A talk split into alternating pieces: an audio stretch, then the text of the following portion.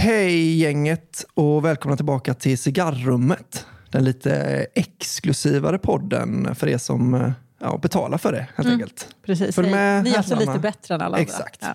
Följ med herrarna in eh, i salongen, Ja. tänd en cigarr och eh, lyssna på lite skitsnack. Det här är alltså då podden som är en syster till kafferepet. Det här vet ju ni kanske, men vi har en ny gäst varje månad. Och den här månadens gäst är Kristoffer Appelqvist. Hej! Hej! Gud vad kul att du vill vara med. Tack så mycket för att jag får vara med. Det slog mig precis att våra två gäster hittills har hetat Kristoffer båda två. Ja, Vilken var den andra då? Uh, K. Svensson. Ja, ah, just det. båda lite Malmö-koppling också. Absolut. Även om hans historia inte handlar så mycket om det, utan Borås då mer, där han är ifrån. Precis. Han vill väl glömma Malmötiden. Ja, vem vill inte...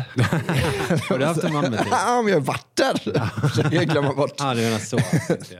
Men du är från Malmö? Ja. Jag har tänkt på det, för du har ju också, det vet ju alla om dig, är att du bor i en kyrka. Eller i alla fall gjorde Ja, det. bodde, bodde. Ja. Ja. Eh, Så jag har varit, liksom, gått runt och funderat på om det kommer historier om liksom, sk- värmländska skogar eller eh, liksom, Ja, idag menar betongskogen Malmö. Eller, Ä- Alltså, i, p- när jag bodde i det där huset i, i Sunne i Värmland som var Mm. gammal. Ja, men, kyrka är väl liksom lite fel. Då tänker man ju sig ett stenhus med tinnar och torn och en tupp och, och, Ja. och sådär kanske. Men, men det här var, var ju liksom, ja, men tänk mer en sko, ett skolhus som Sofie Propp bor i med alla sina barn på Gotland. Tänk så. Det här, den sortens hus. ja, Eh, Philadelphia kyrka. just det. Eh, och då var det ju, när jag flyttade in där, då började det komma folk och berätta grejer som de har varit med om det i huset. Han ville bara knacka på och säga att här gick jag i småskola då och stek, eh, stekte det i plattor i källaren. Du vet. Okej, ja, tack, tack, tack för viktig input. Var Eh, det, alltså det var en skola som blev en Philadelphia? Nej, det, den byggdes som en Philadelphia-kyrka. Eh, och alltså någon sorts pingstkåk ju.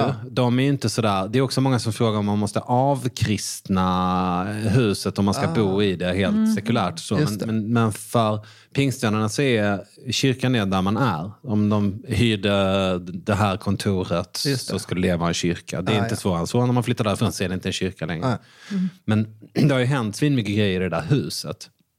Och alla som går förbi och som ser att jag är där vill knacka på och berätta. Och, och då har de haft eh, småskola. Jag vet inte exakt vad det är, men många har varit i småskola. Nej, det undrar man. När, när äldre människor säger småskola, är det då upp till mellanstadiet eller hela vägen över högstadiet? Eller är det liksom Eller var, det förskolan? inte, eller, eller var det inte så att de förr i tiden slutade när de var typ sju? Ja, Jo, exakt. precis. För då är det dags att börja ta hand om För åker. då sänker man på folkskola, eller vad sånt hette det va? Att man liksom, Ja, folkskola. Men det, det, var inte det typ till sjuan då? Jo. Folkskola. så jag tänker att barnskola, Småskola. småskola, folkskola och sen liksom ytterligare, då är det universitet. Realen, eller vad heter det? Real. Real. Ja. Ja, det här. Det var något. Ja, Ja, men det- nu blir det Det riktigt.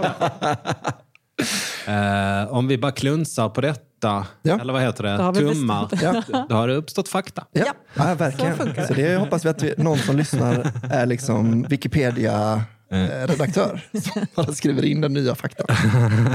Hänvisa gärna till oss. Men okej, jag, jag vet liksom inte riktigt hur man vill komma in på...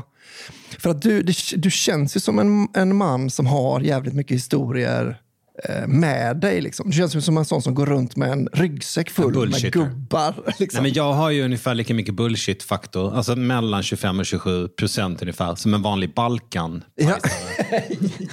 ja, Jag hade världens snabbaste motorcykel. Nej, inte världens snabbaste. Jo, jo, jo, jo, jo jag svarar världens snabbaste. Det är alltså, den där, jag har ju den. Och det är för att min mamma är från Göteborg. Ja, ja, ja, ja just det. Ja, Mm. för det. För det jag tänker att du och uh, Apelgren är två som liksom Mm. har, alltså, vad man än säger nästan för ort, Mm. så har du träffat någon galen människa som också var, eller bara jag, jag får det den Ja, känslan. då kan du dra på ett tag. Alltså, du, har, du har fem minuter.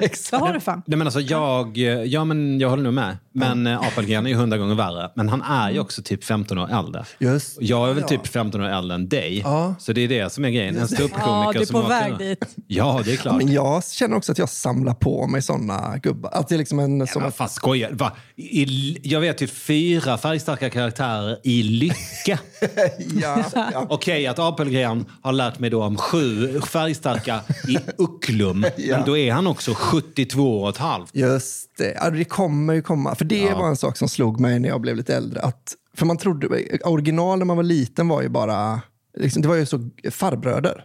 Ofta ju. Som, det var ju mycket fickpingis. Du vet, alla vet ju hur ett original ser ut ungefär, om det inte är något speciellt. Men, men då trodde man liksom att tänk att de, när de dör sen, då är alla normala. Ja, Sen just har man det. liksom gått genom livet och bara så, den där killen som jag gick i tredje klass med, han, han kommer den. garanterat vara Ja. den för liksom mina barn. Ja. Eh, Så det känns som att det, det kommer... Det Du liksom kommer vara det för på. mina barn. Det är väl inte omöjligt.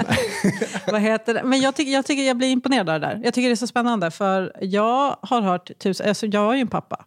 Så det finns historier, det finns det. Du har en pappa? Jag har en pappa, så naturligtvis har jag också, som kommer från en väldigt, väldigt liten ort och också har en bullshit-aura.